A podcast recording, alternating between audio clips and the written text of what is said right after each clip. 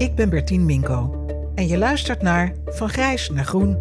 Het is een serie podcast over de transformatie van de Knowledge Mile van een grijze zee van asfalt naar een groene oase in de stad. Buurtbewoners die zich zorgen maakten over de effecten van de slechte luchtkwaliteit op hun gezondheid en die van hun kinderen, besloten hiervoor aandacht te vragen op een positieve manier. Ze organiseerden het festival De Groene Boulevard en legden daarmee de basis voor het Knowledge Mile Park. Ik spreek een van de initiatiefneemsters.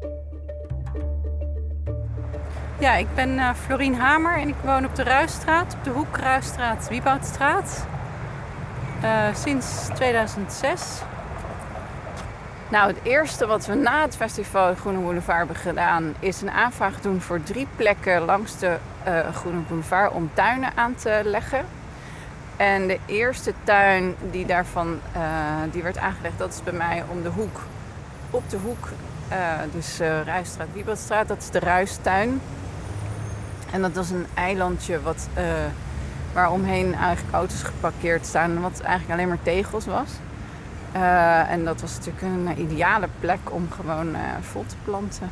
En die hebben dat, dat hebben we dus volgeplant gekregen met behulp van um, de Gezonde Stad, die de aan, een subsidieaanvraag daarvoor heeft gehad.